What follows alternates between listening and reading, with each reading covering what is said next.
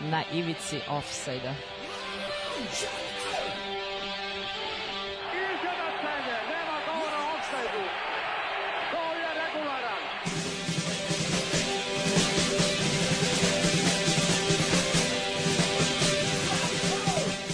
Vi ste se sad čak setili smeće da donesete i da čestitate futbalerima.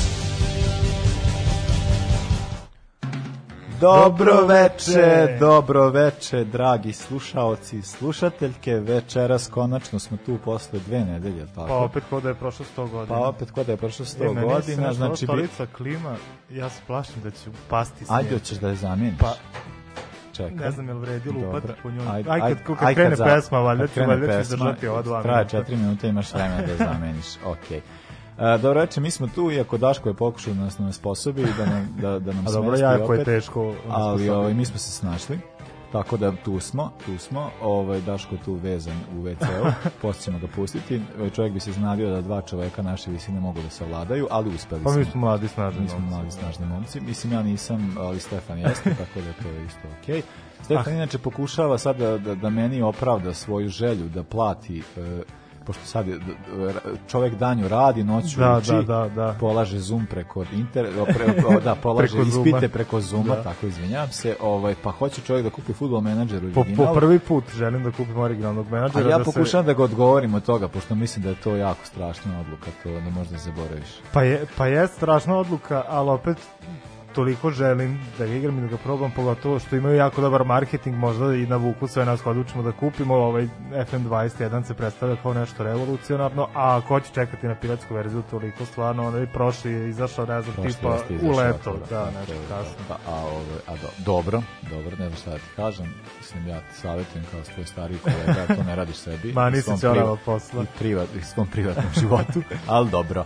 Nego, čemu mi, mi večeras pričamo? Pričat ćemo, dakle, prvo i ono i osnovno, šta se desilo u, u istoriji futbola na današnji dan. Uh, mislim, mi smo ovu emisiju pripremili za prošlu nedelju, ali eto nismo mogli da je realiziramo, sada ćemo tako da ćemo pričati o... Uh, da, zatim u rubrici Dreams Nova United i sezona 98-99, da. da. Tako je. Uh, u u drugoj strani futbola pričat ćemo o jednom meksičkom klubu koji se bavio LGBT pravima ovo, jako dobra priča, tako jako je zanimljivo, tako da će kontamo da će vam biti zanimljivo. I na kraju e, pričamo o, o jednom... Carlo Ancelotti. Carlo Ancelotti. Don Carlo. Većini poznat kao trener, ali bio je i... Bio dobar, bio je dobar priznat igrač.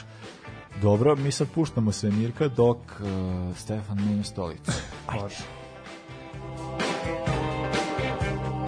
ivici offside-a.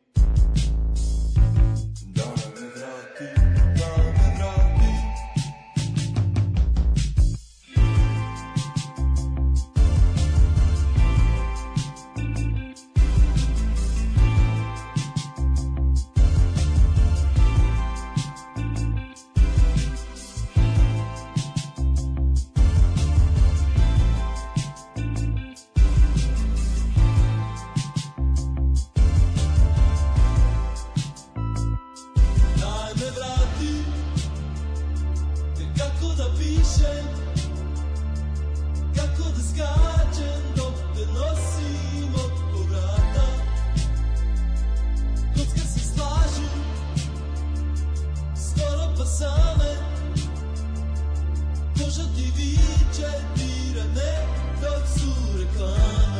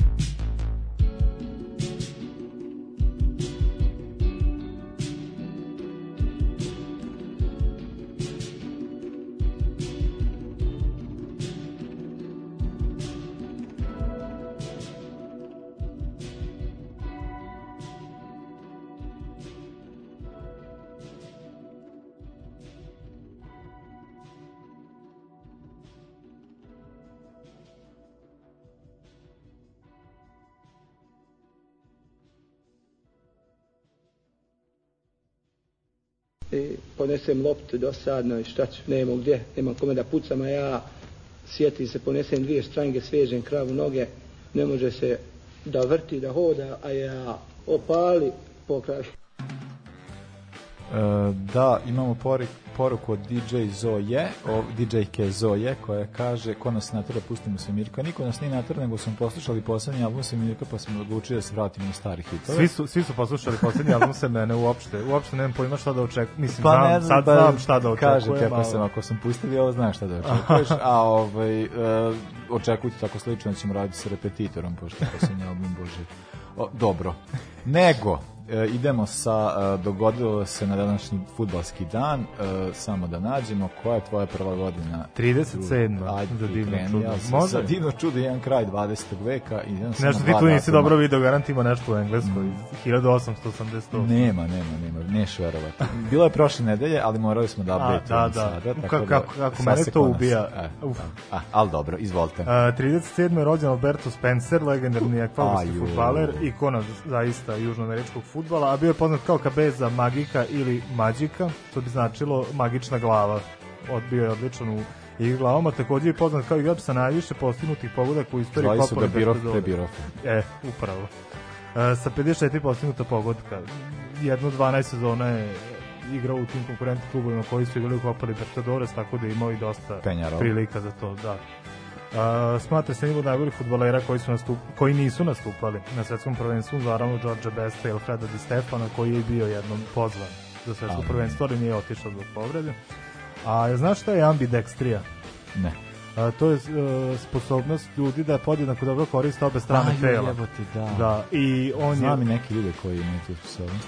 Pa da, ona varira, može da bude, jel, delimično ili potpuno, on je jed- jedan od manje oko jednog procenta ljudi koji su mogli potpuno jednako da koriste obe strane tela, pogotovo u njegovom slučaju obe noge, što je bilo e, što je dosta važno za jednog napadača. Sa 15 godina je počeo da igra u malo poznatom klubu Everest iz Ekvadora, gde je u narednih 6 godina, dakle do 21. odigrao 90 utakmica i postigao 101 pogodak.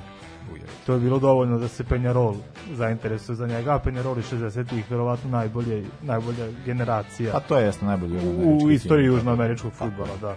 Da. ni, nisu tukli kao i posle njih. Mislim, kao i Studiantes i kao cijela ta ekipa posle, oni nisu tako tukli, oni su više išli na tehniku i mislim, za, mislim, zahvaljujući igračima poput Spencera su imali neke rezultate. Pa da, on je proveo tamo punih 10 sezona, dakle do, do 70. i za to vreme osvojio 8 urugvajskih primera, čak 3 Copa Libertadores i 2 interkontinentalna kupa. E sad, interkontinentalni kup je takmični koji dan danas postoji, ali nije toliko atraktivno kao što je bilo tada i nije, nije bilo toliko uh, konkurentnosti van Evrope. Uglavnom sad kad, kad ode neko Da, na interkontinentalni kup, 99% slučajeva je šampion neki klub iz Evrope, ali osvajač Lige šampiona.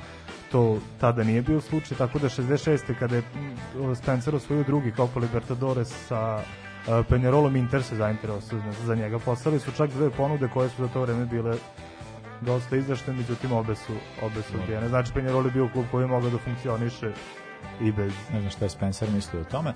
A, ovaj, a ima, pričat ćemo kasnije baš o tome prelasku s interkontinentalnog na neki drugi kup. Kad, se, kad budem pričali o Manchesteru, jel? A, ovaj, e, da, Inter je, Inter je slao ponude, bezuspešno i za divno čudo više se evropski klubovi nisu toliko interesovali za Spencera, nije mi jasno iz kog to razloga, iako je bio dosta, dosta poznat u Evropi. Znate što je Stefan nije bilo interneta. Pa nije bilo Nije interneta, bilo ali internet, vidiš, Znači neko ode, vidi, kaže ljudi ovo je dobar i onda posle ako znaš, neće, nije to tako a nije, nije mogu, da, nije mogu klip da se snimi. Nije mogao klip da se snimi, nije Skills. mogao da se okači, on znaš kao da o, o, nije to, to, tako nije išlo tada. tako da nije. Nisu bile ni kasete čak 60. Pa da, jest, da. jedino da, jedino nešto na, na projektorima da se odradi. Uh, 70 Slideshow. Slideshow, da. Za 70. je odlučio da završi karijeru u, 30, u 33. godini, međutim, uh, nakon godinu dana pauze odlučio je da se ponovo vrati profesionalnom futbolu, igrao je za Barcelonu, ali ne evropsku, nego Barcelona Sporting klub, takođe jedan uspešan ekvadorski klub sa kojima je osvojio te sezone titulu, bio najbolji igrač uz 19 pogodaka na 37 mečeva. E sad šta je još zanimljivo u vezi sa njim, to je bilo vreme kada je mogao da se igra za više od jedne reprezentacije, što on iskoristio, tako I da, da, to jeste. pa da, Tako da je igrao za Ekvador od 59. do 64. pa za Urugvaj od 64. do 67. pa ponovo za Ekvador do 72. dok nije konačno završio karijeru. 10 godina posle, 82. izabran je za konzula Ekvadora u Urugvaju, a preminuo 2006. u Clevelandu. Odakle on u Clevelandu nije mi jasno. Pa dobro, standard. A šta imaš sledeće? Je- Imam 79. Ajde, može. Uh, rođen je Tim A, Cahill. znam ko je rođen. Aha, australijski futbaler. I ostaće za sada večita dilema između njega i samo još jednog Birov posle fudbalera. Birov. Da. Ostaće večita dilema između Tima Cahilla i Harry Aquila koji je najbolji u istoriji te reprezentacije. Mislim da je Cahill mnogo više i dao. I ako ništa drugo, Aj dobro, evo ja kao ovaj, fan Liverpoola mogu reći da je Cahill je tu kod... a šta sad ovo što igra u Evertonu, sad on Pa, ne valja, treba Ne, ali dobro, ali uh, mislim da je QL više u tom svom pri, ono, u, u svojoj naj, najjačim fazama svoje karijere jeste stvarno mnogo više pružio ali ja mislim da je Cahill nekako lik koji se taj ti njegovi povraci, ti njegovi golovi, ti, mislim kao Cahill ima više tih upečatljivih momenata. E to je stvar da što, ono- on- što je on baš prepoznatljiv po tim upečatljivim stvarima i ako se držimo na primjer statistike, on je svuda je broj jedan što se tiče reprezentacije Australije. Prvi Austrijanac koji je postigao pogodak na svetskom. Igrač sa najviše pogodaka što se tiče reprezentacije Australije na svetskom. Najbolji strelac u istoriji reprezentacije Australije. Zaista je po tim stvarima je velik. Čak mislim da je na onom... Čovjek je sa američke Samoje samo da Da, sa, da, on je, mislim, igrao za omladinsku Moj reprezentaciju. igra za omladinsku, onda je prešao za, Da, za australijsku, da, australijsku reprezentaciju koja je znači jedan, to je mislim najveći rezultat, najveća pobeda ikada u Da, da, da, pa pričali smo- pričali smo, da, da. 31-0, a Australija protiv da. američke, Američke Samoe. da, da. I ja ga pamtim iz Evertona, sad ne znam, ti ga verovatno iz je li tako? Pa pa da. Mislim, iz Evertona ja isto, Pa dobro, ali kao on je u zaista- Millwallu, da, zaista sinonim za- dobar. ali za mislim Cahilla kao zato što je, da. jeste Everton Da. da. sinonim. A ovo posle mi nešto i nije redno pomenuo, sećam se da igrao u New York Red Bullu i posle toga čini mi se da je možda i u. Australiji, čini mi se, nisam siguran, ali u ostalom kad je otišao iz Evertona, to je uglavnom to. Sve da, naravno kao toga za reprezentaciju što je dao. Da. vraćao Čak mislim da je dao gol na, na onom posljednjem prvenstvu na kom je učestvovao. Da li je bilo iz penala ili tako nešto, ali siguran sam da je, da je dao gol. Šta ti imaš? Ja imam 93. kažem. E, može, Može, a? može. E, sad jedna stvar. Uh, prv, uh, Homare Sava, japanska futbalerka, je zaradila pr, uh, prvu uh, utakmicu koju je odi- uh, odigrala za reprezentaciju Japana. Sad, uh, uh, ovo je jako zanimljivo zbog toga što ona tada imala samo 15 godina. A u seniorovskoj konkurenciji igrala već 3 godine. Tako da ona je uh, ne, proglašena, ne znam, još posle kao za jednu najboljih, čak i te, na to, te godine, 93. bila jedna od najboljih 11 u svoje reprezentacije. Uh, igrao na azijskom uh, prvenstvu, a 2011. bila je kapitenka reprezentacije Japana koja je osvojila titulu Mhm, na svetskom da, da, da, prvenstvu da, za da. žene. Uh, 2015. se povukla i postavila nevrovatni rekord, odigrala je 205 utakmica i postigla 83 gola. Zamislim Tako da- 205 utakmica za Pa kad za igraš, pa eto, ako ti računaj, ako igraš od 93. do 2011. koliko tu ima godina da, da, i onda da. onako šibaš sve utakmice redom, tako da Omare Sava je zaista ono, mislim, ona je, ona je, ona je ko Pixi, ali ženski. ženski Ja, Pixi. to je, to je ženski Pixi Omare Sava za Japan. Uh, ja imam 96, to je evo nešto, Može, nešto može. moje lično. Uh, Ajde. rođen je Davide Calabria, italijanski Ajde, futbaler, naravno dete Milana, još od, od, od 2006. A za prvi tim je debut od 2015. To je kad je Miha bio trener Milana, pa kad je gurao mnogi klince, ispostavilo se Calabria i Donnarumma, na primjer, da su i dan danas tu, pogotovo Donnarumma, Donnarumma je meni... Da, ali meni to Mihino guranje klinaca, to mi je tako... Zato ja mislim da on u tome traže opravdanje. Pa da. Znaš, kao aj gurnemo klince, ako nešto urade, Pa evo, sad se sjajno je, ako ništa ne Srbije urade, da, ga davao priliku Andriji Živkovi, koliko ima, 15-16 godina. Pa dobro, da. Sava, je, u, kao on je igrao tada tu utakmi i onda posle kao lik je tek posle nekog godina bio zreo da igra za reprezentaciju. Sad ga nema, ali dobro. A ovaj... Šta, pa viš da Andrija Živković igra sa gipsom na ruci, čoveč, šta ti? da. A ne, to mi je onako kao, ne, da, Mihajlović ima tu varijantu da, da je opravdanje traži upravo tome što Pa da. šansu mladim igračima, što je sad tako... Pa dobro, eto, delimi, delimično mu se Osim ako se zovu Adem, ali dobro, izvinjam se. Molim, šta, šta?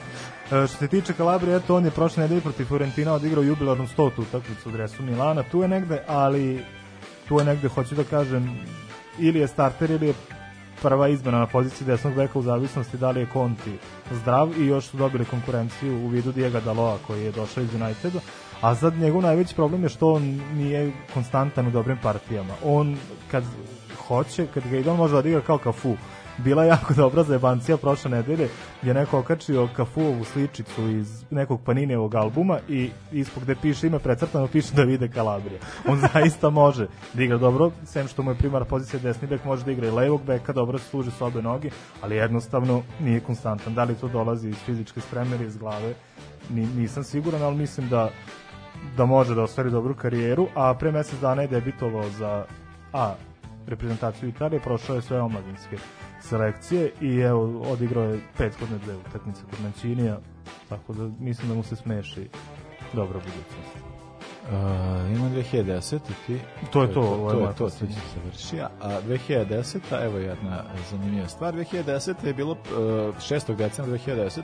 su proglašene trojica finalista za prvu nagradu koju su spojili FIFA i uh, ova Ballon d'Or, Mhm, zlatna lopta. Uh, tako da je ovaj uh, to prvi put bio dodeljena ta nagrada kao zajednička koja je bila posle nekoliko 5-6 godina pa je posle opet ponovo vraćena na ove odvojene nagrade a ono što je zanimljivo jeste da su uh, trojica igrača ko, koji su bili uvršteni u taj izbor za tog finalno najboljeg bili trojica igrača Barcelona Da, pa pretpostavljam Messi Čavi Nijesta, jel? Messi Čavi nešto, da. naravno znam se ko je osvojio, a ovaj, ali to je tek treći put da se to desi, ja te već obradat informacija da je prethodno dva puta to bilo uh, sa Milanom u vezi, Pa pretpostavljam da su Holandjani... što se tiče zlatne lopte, uh, da, zlatne lopte, uh, naravno, uh, 88. kada je Van Da, Basten da. osvojio ispred Gulita Rakarda i 89. kada je Van Basten osvojio ispred Rakarda i koga? Mm, Italijan je u pitanju. Koji Italijan Koja godina? 89. Koji Italijan u, u Milanu ima nekakvog efekta? Uje, pa Maldini. Ne, Ja, ali tad to mali, ne verujem. bio Sasma mali. A jeste odbrana. Da. Aha, Franco Baresi. Tako je, da, Franco da, da, Baresi. da, da. Franco Baresi. E, mi smo baš ubili, iako smo imali samo pet informacija, baš smo dosta pričali. Uh, tako da bih ja sad pustio, uh, čekaj, da, može. Ja mislim da tajna leži u Beherovcu. E, tamo leži Becker. Da, vidiš, to stoji, stoji nam tu pola godine, nismo, nismo pola godine, niko a evo vidite sad ovo. onda nas dvojica uvatimo pa krenemo. Uh, prvo ide ovaj uh, ide iznenađenje za Brazilce, a onda idemo Steve Corners to the Trip i onda ćemo pričati malo O United. o United, United.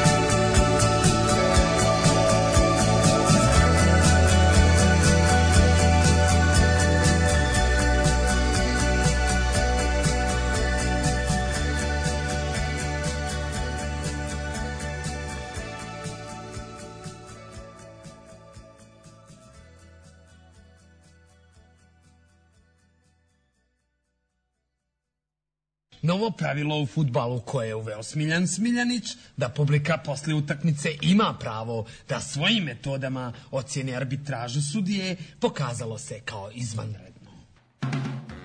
Evo ljudi nam kaže da treba da kažem broj telefona na koji mogu da odgovaraju, Mhm. budući da to nisam rekao. Ovo je dakle 064 233 4040 064 233 4040. Tako da nam pišite, pa ćemo i vaše poruke pročitati. Znaš šta sam skontao, pošto e, ovaj, stica nesrećnih okolnosti kod mene na poslu se na radiju sluša radio Futog i onda onda kad ide neki oglas, verovatno zavisi od toga kako su ljudi nabaždareni, kako pamte brojeve, tako da ide uglavnom 064 233 4040 i drugi put ide 064 233 40 40 valjda, či, čist, čisto valjda zbog načina na koji, na koji neki ljudi Pa pamte. ljudi, kad, e da, to mi se sviđa zapravo. Od 233, 40, 40, 40, da, da. Pišite nam, dragi slušalci. Izvolite kolega, pričamo o jedinstvu iz Manchestera. o jedinstvu iz Da. Manchestera, E, tako je. Znaš šta, drago mi je što u istoj emisiji spominjamo dva moja omiljena trenera, to su svakako Sir Alex Ferguson i Carlo Ancelotti. Njih dvojica su prvi ljudi za koje sam uvideo koliko je trener u stvari značajan za za uspeh nekog kluba. Pogotovo što se tiče Fergusona i prvi klub na koji sam se ložio nakon Milana, nakon one generacije iz 2005. bila Unitedova ona iz 2006. pa pa nadalje. Mi pričamo ovde o dva omiljena trenera Manchestera, ovaj uh, gospodina Stefana, a jedan iz Manchestera, drugi iz, Iz nekog- Milana. iz Milana, Da, čas, e, mislim koji već klubova, ali ja ću reći da nijedan i dvojice nije meni omiljeni, A, ali štujem, štujem Ferguson. Pa to da. Ferguson, naš koliko god ljudima i da možda nije omiljen, mislim da, mislim da je zaslužio da ga poštuju. Pogotovo Tako je. vidiš sad, Čak ću, čak, čak ću i štovati ako ovaj nešto se, ako Everton bude završio Ligi šampiona, ja ću štovati. Pa e, sad bih nešto rekao, ali to ćemo kad dođemo, kad dođemo na deo njemu. A Važi, važi, da, što se tiče ove generacije United iz 99. je bi ga stasala je generacija, ona čuvena iz 92. Tu su bili još neki stariji igrači i to je bilo pa možda čak i na iznenađenje sve to što se dogodilo, jer, s obzirom da na kraju te sezone se ispostavilo da je Manchester United prvi engleski klub koji je osvojio triplu krunu, FA Cup, Premier ligu i Ligu šampiona, evo do dan danas se ispostavilo da je jedini pošto Liverpool je bio blizu, ali su inače veoma jadni, tako da to, da to Ja. nikada neće, nikada neće ponoviti, pošto ćemo se fokusirati ovde na priču o Lige šampiona i na ovom finalu. Prvo idemo ova manja takmičenja, dakle u FA Kupu su na putu do finala izbacili Liverpool, Chelsea i Arsenal, dakle uopšte im nije bio lak put, a sem ta tri protivnika imali su još i Middlesbrough i to čini mi su u polufinalu Middlesbrough je daleko dogurao, a u finalu su dobili Newcastle 2-0 Prvo se rutinski. Middlesbrough, pa onda Liverpool, Jel? čisto da se zna da nije bilo tako. Aha, da nije Middlesbrough te sezone bolje igrao nego Liverpool, Tako tako? je, nije. Dobro, I bio domaćini, isto, čisto da se zna.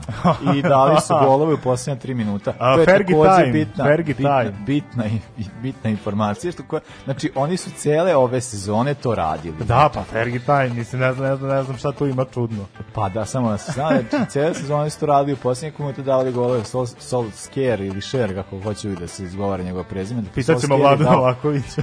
Dao, da, dobro, ajde, da, dao je, dakle, Liverpoolu u FA kupu, tad po- u posljednjem minutu gol, dao je posle u Lige šampiona golove, a čovjek je dao, čak i Liga kupu je znao da daje tako golove, mislim, ono, Lik je ono, sve vreme dao golove u posljednjem Zato što minutu. je fantastičan psiholog, ja bih rekao. A jeste. Ali dobro, ajde.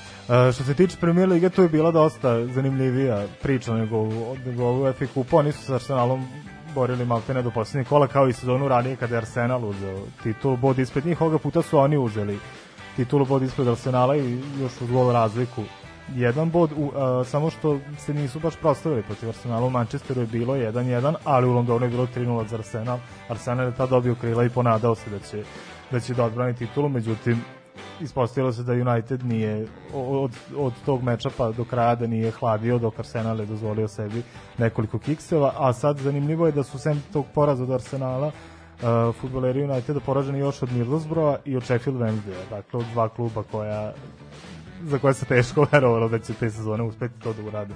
A, najbolji strelac je bio Dwight York. Uh, gledao sam, možda sam ti pričao na uh, na Eurosportu, to je davno, dok sam bio klinac, bilo je neki dokumentarci po tim najboljim tandemima u napadu za Andy Cole i za Yorka sam čuo da su bili nevjerovatan tandem. I te sezone, eto, u Premier Ligi Dwight York je imao 18 golova, a Andy Cole 17. Dobro, ti si čuo, ja sam gledao ovaj, Da, što ne znam, ne ti si te sezone kada je ove 99, ti si tad počeo da navijaš za Liverpool. Jeste, tako, mislim. kakav stil uzer, ja ne mogu da... Jebo. A, do, ne, ne, ne, ne, ne. Ja sam, po, mislim, kao zvanično počeo navijam za Liverpool, tada 99. 2000. Znači, u polusezoni, posle ove sezone. Do tada nisam navijao nikog u Englesku, ali sam gledao Englesku ligu na BK. Je to Na BK? BK je Je. yeah. Naca Stojanović to vodio. A u razredu smo imali tu podelu kao ko je koji igrač i onda ovaj, nas je šestorica bilo, mislim kao to šestorica najbolji za postavu. Ja znam I ko si ti bio. A ja sam bio, recite... Paul. Scholes. Paul Scholes. Zato što sam bio mladi rić. Pa dobro i sad bi vjerojatno bio, pošto si svestan da je Scholes bio bolji igrač nego Steven Gerrard, tako. Ili da je Lampard To bio bolji igrač nego tačno. Steven Gerrard. To apsolutno nije tačno, jedan i dvojica nije bolji. Ali evo utičiću te. Mike Loven je te sezone podelio sa, uh, sa Dwight Yorkom prvo mesto najbolji strelac. On je takođe imao 18 pogodaka kao i Jimmy Floyd Hasselbeck koji je imao takođe 18 pogodaka i 13 asistencija. Mislim da je izvanično bio proglašen najboljim igračem tog prvenstva. On je igrao tad u licu. Ja ga pamtim iz Charltona i, i Chelsea, Chelsea, da, da, da, da, ali Chelsea. mislim da je te, te sezone igrao u licu. Ne, meni je ono što je zanimljivo jeste ta varijanta kod, e, znači dva najvažnija takmičenja za njih te sezone su naravno premijer liga i liga šampiona koji ćemo sa minut pričati ili pola minuta, ali ovaj, jeste ta, ta, stvar da su oni zapravo uh, te obe te utakmice, pošto Manchester je uglavnom rešavao te, se- tih godina, te sezone dosta ranije. To je meni ona stvar koja je smarala. Znači, udare ga 10 bodova ranije i reši do kraja. Ove sezone nije bilo tako, tako da u poslednjem kolu su oni igrali sa Tottenhamom na domaćem terenu i trebalo, i trebalo im je pobeda, naravno da to sad osiguraju i reše. Oni su gubili od Tottenhama i onda su preokrenuli što se desilo i kasnije u značajnijem takmičenju. Da, pa s obzirom da su prethodne sezone završili e, drugoplasirani u Englesku, oni su morali da kroz kroz kvalifikacije, pa, da, da, mislim to sad vreme, sad koliko, četiri kluba iz Engleske ide direktno Šta je, šampiona. ja, oni su morali protiv Poljaka. Da, oni su morali protiv LSK iz Lođa. E, 2-0 je bilo u e, 2-0 je bilo u dvomeču i onda su dobili stvarno tešku grupu, to su bili Bayern Barcelona i na sreću Brandby Brandby im je pomogao da se, da se izvuku. Ko izgovaraš ovo Brandby po novom?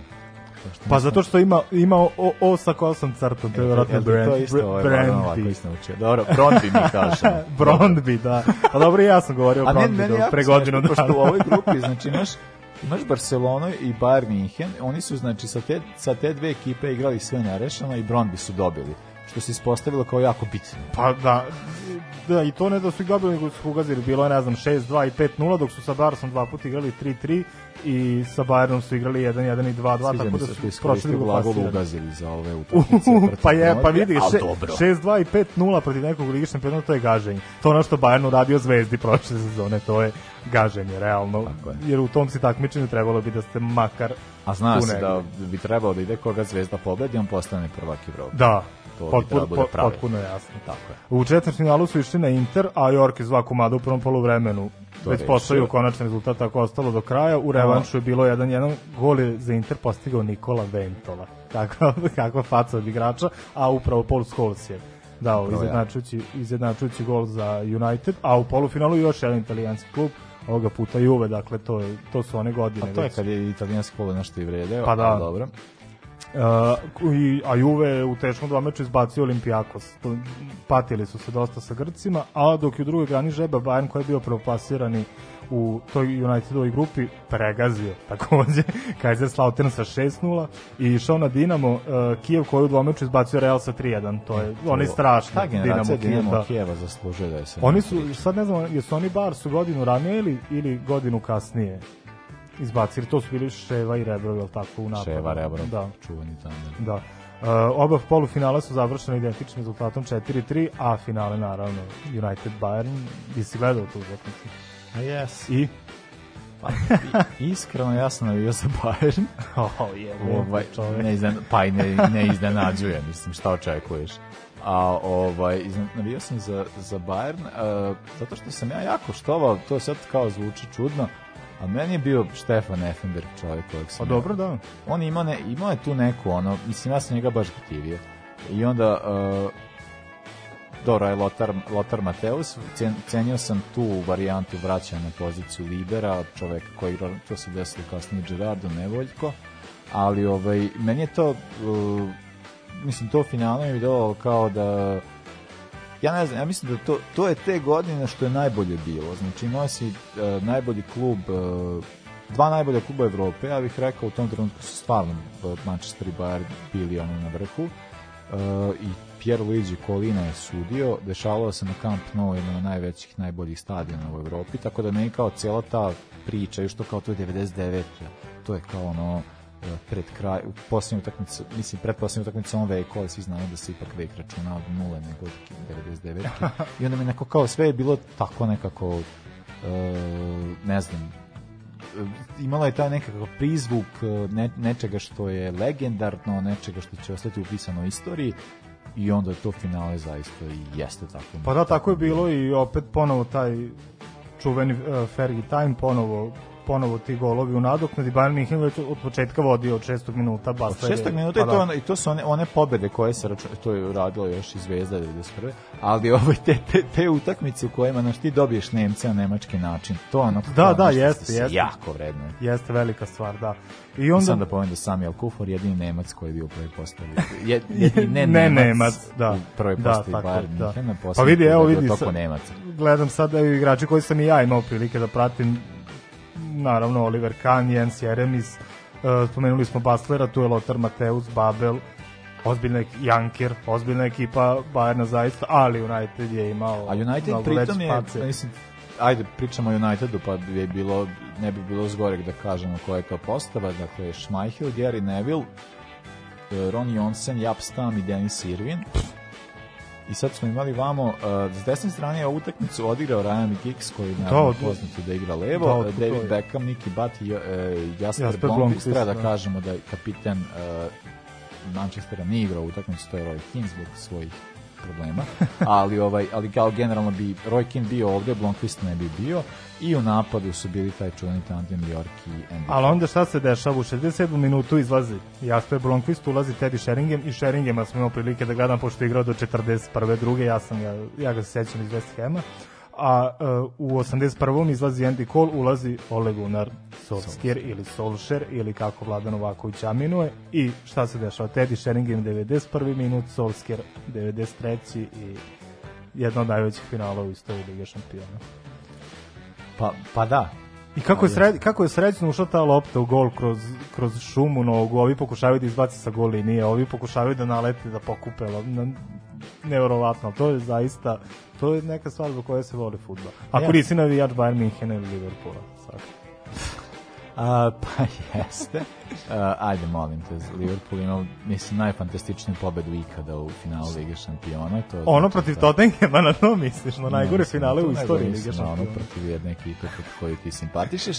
A ovaj... e, Ali to je samo zato što smo vas pustili da bi se pričale priče o tome koliko je to finale Jeste, bilo veliko. jeste, jeste. Ništa više. E, ja to mislim ajde ne mislim ja nego to je jednostavno činjenica to je najveći finale koji se kad odigrao ali nećemo Da, da. o tome nego ću pričati o ovom finalu dve manje važne ekipe a ovaj e, ne ovo je zaista jeste taj preokret koji se desio u posljednjih mislim da je jedan od najfantastičnijih preokreta tako kra- kratkom vremenu da se to tako desi. I ovaj i da jedan igrač e, to jest dvojica, ali kao Sol, Solskjaer Pa- sa svojim, kao da tako nešto napravi, to jeste ono kao nešto, je, je- jeste jedna važna stvar, što su bojica, da imamo dvojicu džokera koji upadaju i rešavaju meč, to je, jeste nešto što što je obeležilo. Kaže, to je ono što samo Fergie ume, kaže lepo. Pa ne mogu da kažem jer ga ne volim, ali jeste Ferguson je bio dobar E, trener i znao je kad treba šta uraditi i tada je pogodio i Zna, zna- znaš šta je isto, jedna stvar što sam ja dobio Fergusonovu autobiografiju za rođendan, dakle 7. jula i evo prošlo je već pola godine, ja nisam Boga. pročitao, nis, nisam pročitao ni, ni jednu stranicu. Nisam hteo da pričam o bilo šta o Fergusonu ili Unitedu dok, dok ne pročitam knjigu, ali to može dosta da se oduži, tako da pričat ćemo, pričat ćemo o dogodovštinama iz knjige. Dakle, verovatno su mnogi akteri ovog finala imali, imali šta da kažu za, za A- potrebe te knjige. Ma je, je, je svakako. Dobro, a, ako nekog zanima da nam šalje neke svoje ekipe iz uh, o prošlosti 20. veka, mi Može iz preferiramo, 21. ima- ima i tu raznih. 21. A, dobro. Ali mi preferiramo 20. i ako može tamo neka 70. 80. to je isto nešto što se nam sviđa. Ovaj, šaljite na 0642334040, Facebook stranica, Instagram i šta još sve postoji, a ja ne znam. Twitter. Twitter. Dobro. Ovaj, tako da, a, a mi sad slušamo Amy Winehouse i Rehab. A meni se čini da je penal za... E, 1-0. Eto. Ajmo na Rehab. 1-0 za Liverpool. Neki je on rekao. Taktikva he play second very very good. I think in the second match result is open. They tried to make me go to rehab.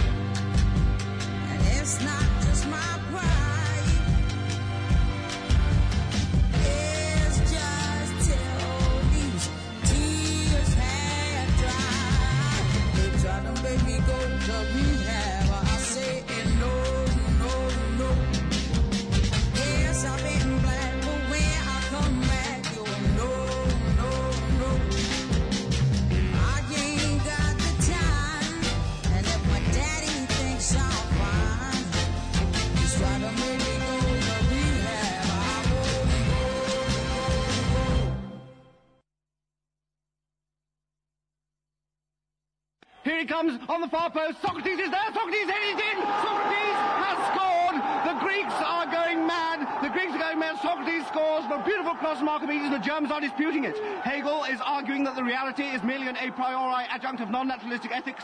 Kant, by the categorical imperative, is holding that ontologically exists only in the imagination, and Marx is claiming it was offside. Ti planiraš, opa, jel ti planiraš da se uključiš u ovaj prilog ili sam da ga Čujem se ja i dalje, samo moram da smotam. E, no.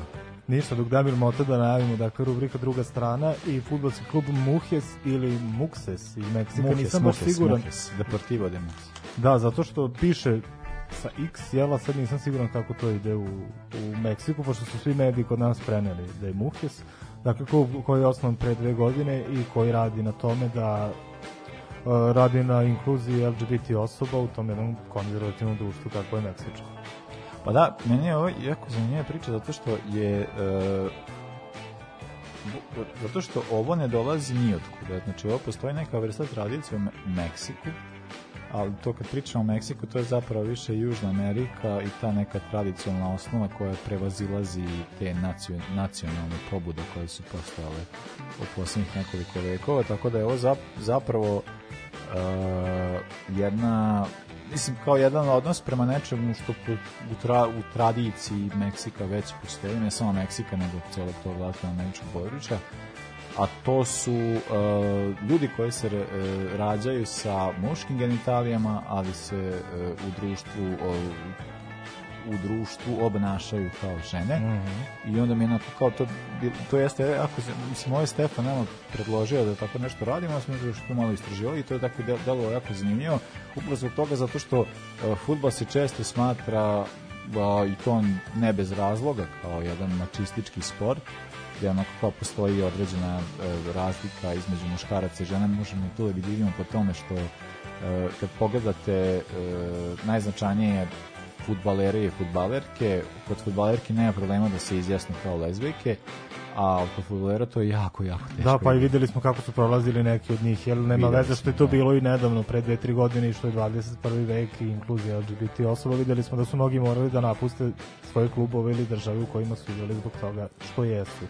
Tako da Deportivo de, Deportivo de Mujes ima zaista tu značajnu ulogu, zato što je to prvi klub koji jeste zvanično o, o, obznanjen kao o, LGBT klub, u kojem su svi dobrodošli i koji kao ima taj moment u celom svom e, delovanju. Oni su prvo zapravo krenuli toga zbog toga što su imali potrebu da ljude koji e, e, su e, naravno diskriminisani i ne mogu kao ne, ne, ne mogu da opšte deluju u okviru svog društva, da kao kroz ljubav prema futbolu spoje i da na kraju to kao naprave kao jednu određenu vrstu zajednice koja će biti prihvaćena ne u meksičkom društvu, ali kao generalno nešto kao u toj, e, u tom, e, toj maloj zajednici koje već oni i jesu i oni su zapravo krenuli sa neke sedme divizije tako su kao Mhm. počeli da se bave na kraju sada Deportivo Muhis je trenutno u ovoj sezoni u trećoj U trećoj diviziji. diviziji, da, ali sad vidiš, sad ne znam koliko im to znači, pošto makar znam za prve dve lige, za prva dva ranga, da je to zatvoreno kao MLS, kao NBA. Jeste, jeste, jeste. Da, da, da se tu ne ulazi tako što ćeš ti biti prvi u, u aktualnoj sezoni. Ali iskreno se nadam da naš u stvari možda se i ne nadam. O, verovatno će način na koji budu oni dospeli do te MX lige, do prvog ranga a, meksičkog futbola biti marketinški. Jer ova priča je dosta marketinški propraćena Jeste. u Meksiku, pa i u Severnoj Americi, pa i u Severnoj ja u Americi. Severnoj Americi isto zato što kao uh, recimo Pa njih Nike sponzoriše, pa, da. Nike ih sponzoriše, a to je kao jedan od dva kluba u celoj Latin, Latinskoj Americi koja njih sponzoriše. Da, pa jasno drugi da- dosta mnogo, do, dosta uspešniji.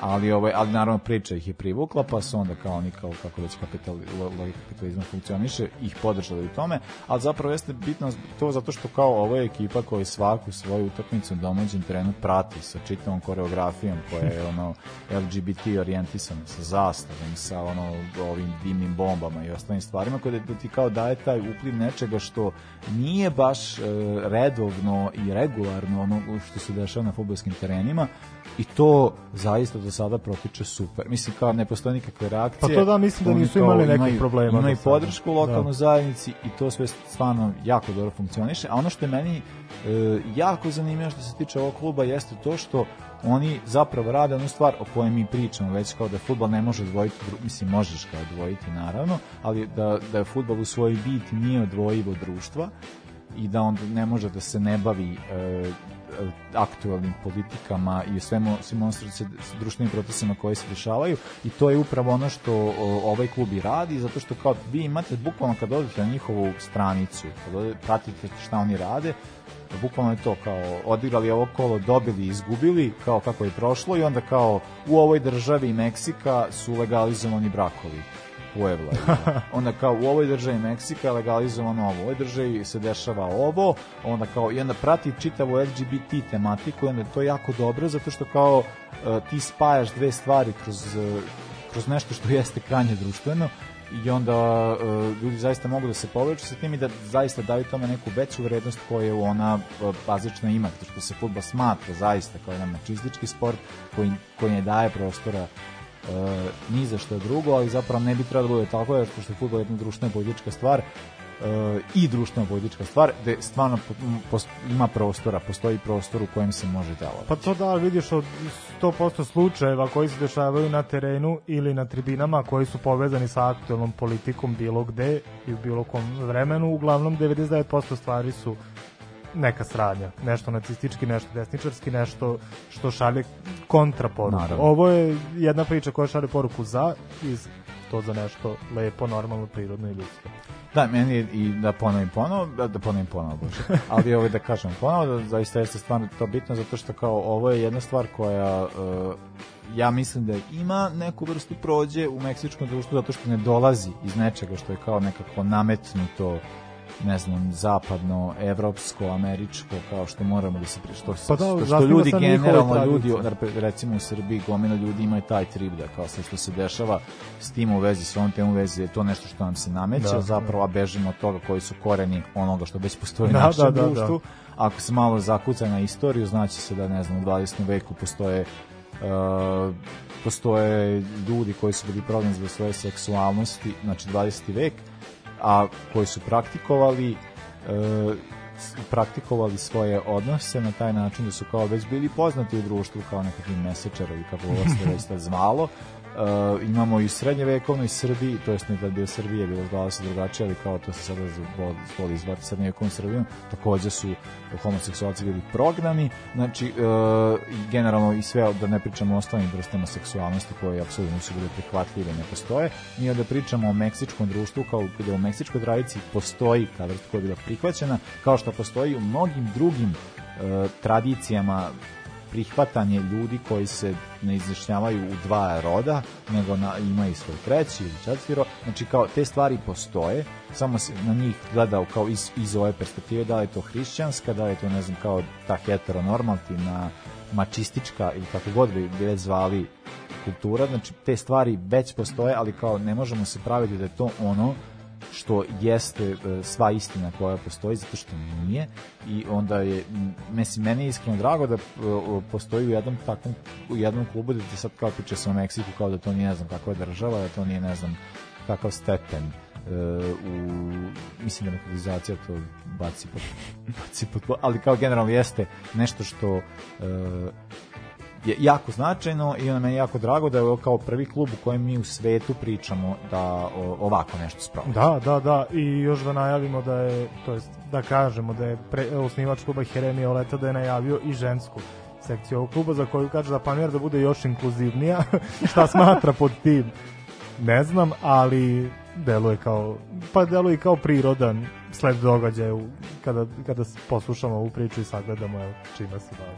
Tako da ne znam kako vi, ali mi imamo u Meksiku za koga da navijamo, je. a sada slušamo Ghost i He Is, a nisam prošli put najavio Steve Cornes i The Trip, zato što imao sam dobio sam neke pohvale preko poruka, tako da ću se da se da, da bilo je Steve Cornes i The Trip, a sada slušamo Ghost i He Is, a, a onda pričamo o čoveku za koga je Stefan izabrao.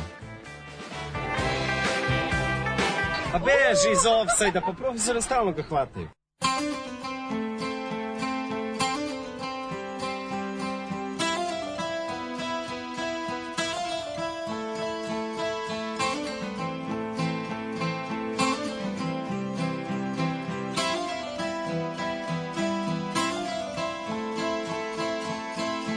We're standing here by the abyss, and the world is in flames.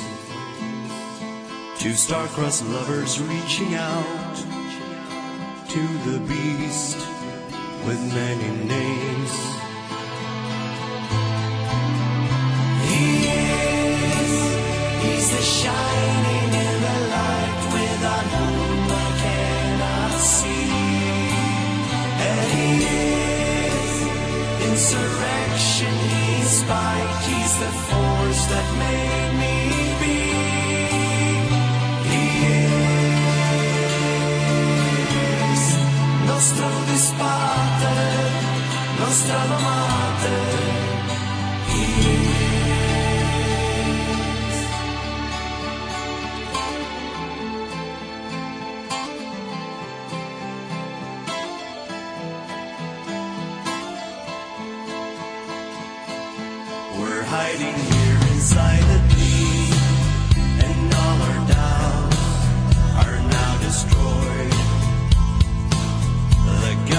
of the morning stars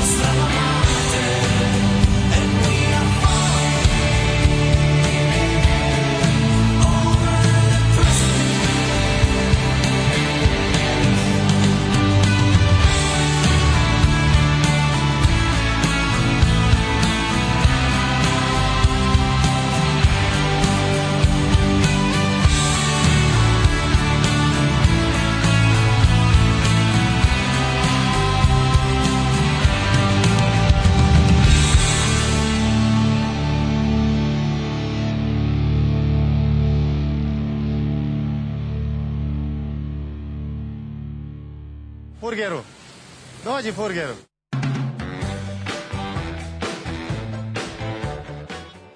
Evo, kaže ljudi da budem fair i da ne, ne govorim o tome da, ga, da je Stefana, da je Stefan predložio Karla Ancelotti, budući da Karlo Ancelotti u svojoj u igračkoj karijeri ima mnogo veći e, pa ne znam, značaj u jednom klubu kojem, Pa, za koji ja da, navijem. da. Realno jeste. Realno Što se tiče igrač karijere jeste da ima. Mislim, odigrao je neke 60 takmice više i dao dva gola više ovaj, za Romu nego za Milan, tako da to jeste... Ovaj, Da, ali je imao, imao mnogo značaja na terenu. Znaš sad, kod on je jedan od onih igrača koja ima statistika mnogo i ne vredi zato što ima mnogo problema sa povredama. Ali kad je igrao, igrao je ozbiljno. Jeste. Znaš, ne može svako da nosi Ne, ali- desetku, i, desetku u Romi, mislim. Pa mislim, re, da, to ja se slažem, Da. ali meni je stvarno ono kao stva, e, kako ja Ancelotija pamtim, a o, pamtim ga kao trenera i onda je vodio dva kluba tri kluba zapravo, a možemo reći četiri, pet, za koje ja, mislim kada pogledamo kroz njegovu karijeru Juve, Milan, Chelsea, to su klubovi koje ja ne mirišem, a onda posle kada dodate tome PSG i Real Madrid, onda ti bude onako, ali jeste vodio je Napol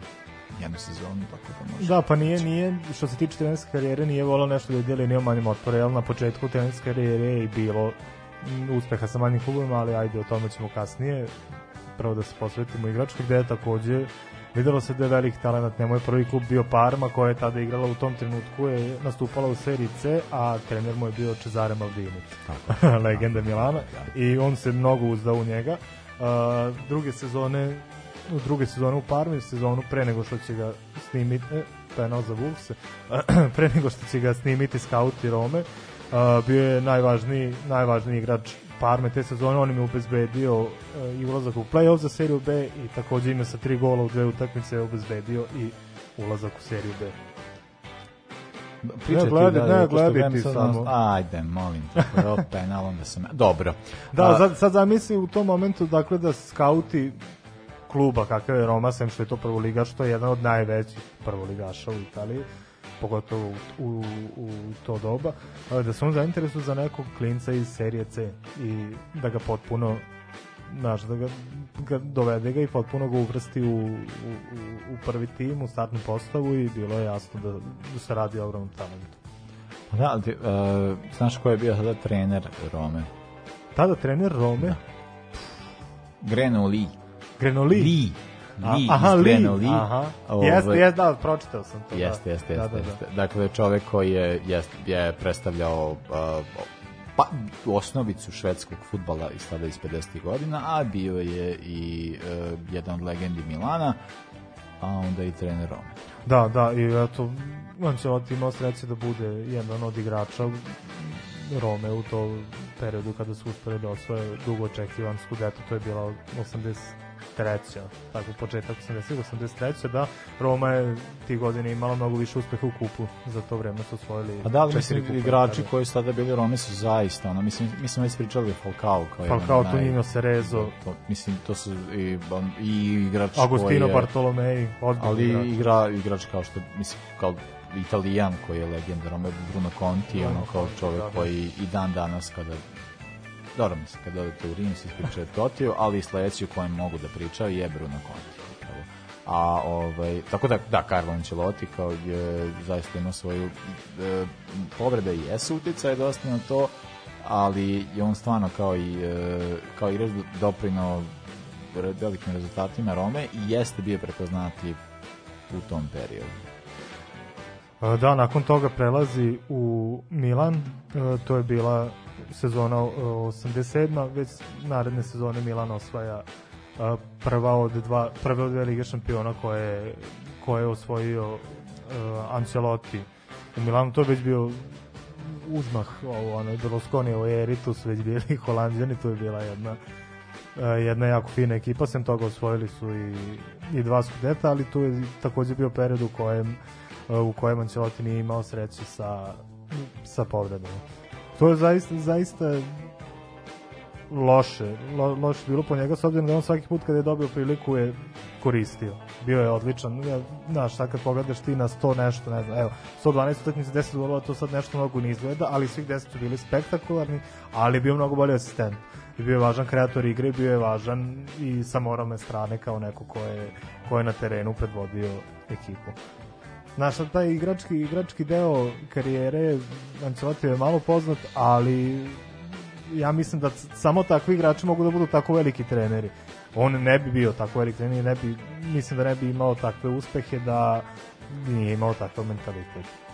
Pa da, me- meni ono što je za budući ja da kažem, poznajem više trenersku karijeru Ancelotija od igračke i onda kada sam se upoznao sa njegovom igračkom karijerom, došao sam do zaključka koji sam već i osjetio. Mislim, Znate, ono kad, vidite, kad nekog znate kao trenera, i onda ga posle vidite kao igrača. Mm. Meni to je bilo za Kapela, recimo, meni je Kapela jako smiješan.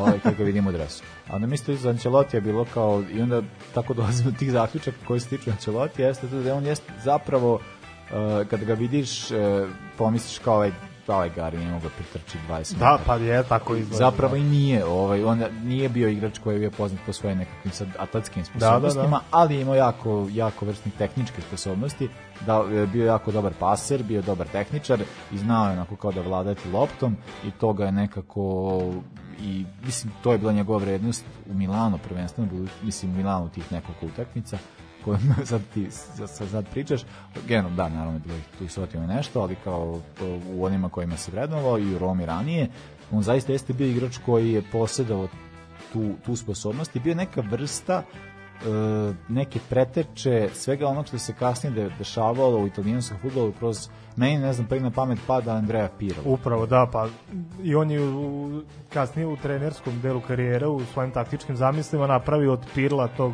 deep playing Tako je. playmakera, Deep- deep da, playing, da, da, tako da, je. Jeste. To, do, donekle je to kasnije radio sa Sedorfom, kad Sedorf više nije mogao da ide toliko Da, napred, da, da, da. bude ofanzivni veznik, kada ga je povukao nazad negde u ravni sa Pirlom, to je takođe uradio od njega. E, Šta što se tiče teniske karijere, vidim da je Ređanu uspeo da uvede u seriju A, dakle to je Ređana, ne Ređina, ne znam koliko ja se mlađi seć- sećaju toga, ja se sećam, sećam Ja Ređine. se sećam Ređane, E. ovaj, sećam se Ređane, ali izvolite kolega. Da, uspeo da, da uspeo je samo jednu sezonu ih trenirao 95 96 i kao potpune outsidere uspeo da ih uvede iz seriju B u seriju A i onda je naravno Ali krenula zato pomalo. Parma. Pa onda da Parma ona strašna. O, tu je bio O kojoj si 96 mislio? 98. Uh, tada su oni osvojili UEFA kup ili su stigli do finala. Čini mi se da su sa, u finalu igrali sa Juventusom, tako nešto, tako? Ali, ali da nisu osvojili, da im je ona sezona koju smo pričali, da im je to bio prvi UEFA kup, jel tako? O, mislim da da. I tu je već krenula ona njegova sad već čuvena formacija na kojoj je bio vrhunac onaj, onaj Milan čuveni Milan generaciju koju sam se ljubio to je onaj 4-4-2 Dakle. Diamond sa jednim zadnjim vezem dva centralna koji su sada na neki način nazivaju mecalama dakle centralni igrač koji ide sve na vreme po boku i A pritom na jedan zadnji ofanzivni veznik. je Pirlo, ali Da, da. koji nije zadnji vesnik. Ko, da, da, da, da. da. Da, da, da, to jeste, jeste, jeste. Stvarno lepota futbola kad imaš takvog igrača koji ti onda uh, diktira tempo, a napred je Rivaldo, ali dobro. na primer. Da. Da, i što je najzanimljivije, u Milanu se najduže i zadržao. Znaš, sad svuda gde, gde je trenirao sve Jeste. klubove koje si spomenuo, to je bio po dve, tri sezone u Milanu, eto, čitavih osam. I tu je bilo i lepih stvari, jel, te Lige šampiona, bilo je i ono finale u Istanbulu, ono prokleto. Ali u svakom slučaju tu ne znam, ne znam da li možemo nešto da mu zamerimo, jel? Nemamo ništa. da, da, ti, Ali ti zameramo ništa. više kluba koje je birao kasnije. Ovaj, Dobro da, nije, vidi se da nije su- da ide linijom manjog otpora. Ajde, ovo da. sad Chelsea, jasno mi je, ideš u klub koji je u to vreme konkurentan, u najkonkurentnijoj ligi na svetu, jednostavno svako bi tada otišao u Chelsea United, tada i Arsenal, Liverpool, tada manje, manje nego danas, jel? A onda ovo posle, ajde, znaš, PSG, Real, Sad je u Bayern. Liverpoolu, ali u slabijem klubu. Pa dobro, ali da. u tom klubu dosta dobro ide. Bolje nego prošle sezone. Svakako. Pa ne, iskreno, da, to se sećam kada je krenula sezona, da je uh, moj brat Bojan, redovni slušalac, je baš pričao o tome kako bi, kao on se nada da će Everton biti prvak. I stvarno, mada realno, kako ova sezona u premijer ligi ide, uh, postoje mogućnosti da bilo ko postane prvak, ali meni se sviđa ono što, mislim, uh, meni se zapravo najviše sviđa to što je on, što je James Rodriguez tu, što je Riša, ima ne znam Barnes i Šalis, mislim ima tu dosta igrača koji imaju tu kvalitetu Mhm. da nešto doprinesu i da kao igraju jako atraktivan futbol i zaista meni posle Liverpoola i lica koje ono kao kojeg obožavam da gledam najveće zadovoljstvo pričinjavaju upravo Aston Villa i Everton Da, da, da. Te- Pa i jesu najveće iznenađenja svakako. Jesu, jesu, i- igra jako atraktivan futbol i je, onda, znaš, to su one situacije kad te skloniš na stranu, šta misliš o klubu, šta ja mislim sve najgore Evertonu, ali uživam gledam, mislim, James od Lige za meni, stvarno igrač koji uh, čija karijera je trebao ide nekog drugačijim tokom i onda mi uživam u tome da ga gledam kada napravi nešto i onda kao u Evertonu mi pričinja veće zadovoljstvo nego što pričinjam u ranijim klubovima. Ali viš što ti je Ancelotti 21. veka? Sport do bola i tehnički fantastičan. Znaš, mi, znaš, on zna iz takvih igrača da, da, da izvuče nešto. E sad ovaj, e, da, kad smo kod ove sezone Premier Liga, pričali smo pre emisije ti i ja o Tottenhamu, šta bi ti bilo draže? Znam da ti ne bi bilo ni jedno ni drugo drago, ali da li da osvoji Jose Mourinho ili Carlo Ancelotti? E, koliko god to zvučalo čudno, ovaj, e, ja mislim da više ne volim e, nego Everton. E, reći ću to samo. Dobro, da mi. A, da, da, da, ovaj, e, da, Carlo Ancelotti stvarno jedan od, e, pa kažem, pla- pamtim ga kao najvećih trenera, ali stvarno kao igrač je imao veliki broj rezultata, to se tiče i Rome, i Milana. Pa da, vidiš, jedan od ovaj, onih koji su ušli u kuću slavnih i jednog i drugog kluba. To smo pričali, to je već bio Da, da, da, da, Cafu i mislim da smo spominjali još, još jednog igrača. Ne, ne, nema ih baš, nema ih Pa baš nema mnogo. ih mnogo, ali sad mi je stao mozak. Ali ono što jeste bitno da kad, kao trener koji god klub da je vodio od ovih jačih klubova je osvajao veći trofej sa Milanom a, i Ligu šampiona i seriju A, sa Chelseaem Ligu, sa Paris Saint-Germainom takođe Ligu, sa Realom Ligu šampiona i sa ba Bayernom Bundesliga. Mislim, stvarao je velike Pa da, vidiš, on je jedan od redkih koji je uspeo sad, eto, ova posljednja decenija od kako je posežao toliko jako Francuskoj da ne osvoji svaki put ligu, jel prvi, prve sezone osvoji, druge sezone je to ona sezona kada je Montpellier osvojio ligu. To je bilo u sastavu Oh, jel ovo, jel ovo vreme da završava? Vreme da završavam, pošto sam već prebacio, ste već 9 i 11, Stefane, mislim da treba za... Ja, Uje, ovako nismo baš dugo. emocije Carlo Ancelotti, ali bi trebalo. Ovako nismo baš dugo prodali. Uh, da, da, mi, mislim da smo mislim da smo dosta rekli o njemu. Meni kad se bude ponovo pričalo, ja ću nešto samostalno, samostalno uraditi. A, dobro, čujemo se za nedelju dana, ko- koliko znam, to je 13. decembar, crna nedelja, tako da slušajte nas. A, mi vas pozivamo takođe ponovo, iako nismo prošle nedelje radili, ali ukoliko želite da nas podržite ovo što slušate, e, koliko god e, pa neredovno, ali jako kvalitetno bilo, zato što ja mislim da smo večeras pokinjali. Ovaj, a, možete nas podržati putem e, Patreona, dinarski, Paypala i dinarski račun, Patreon, Paypal, sve informacije imate na našem Facebooku. Uh, pišite nam šta biste želi da slušate, koji su to klubovi, igrači, uh, teme o kojima želite da, da pričamo. Mi ćemo to sve uvažiti i onda onda odlučiti. Znači da će to i biti, ali verujte da ćemo to svakako uvažiti. Tako da uh, čujemo se za nedelju dana, slušamo za kraj Friendly at the Dreamers, Uh, i uh, čujem, da, čujemo za nedelju dana sportski pozdrav. Laku noć, prijatno. Ovoga puta to je bilo u sastavu Janjuš Kojović, Bećis Pahić, Bratić Katalinski Hadžabdić, Jelušić, Janković, Bukal, Sprečo i Deraković. Evo je, To, šefe. Sarajevo, zdravo, zdravo, Jes, jes, Sarajevo. šefe, dobro. Sad smo jedan, jedan.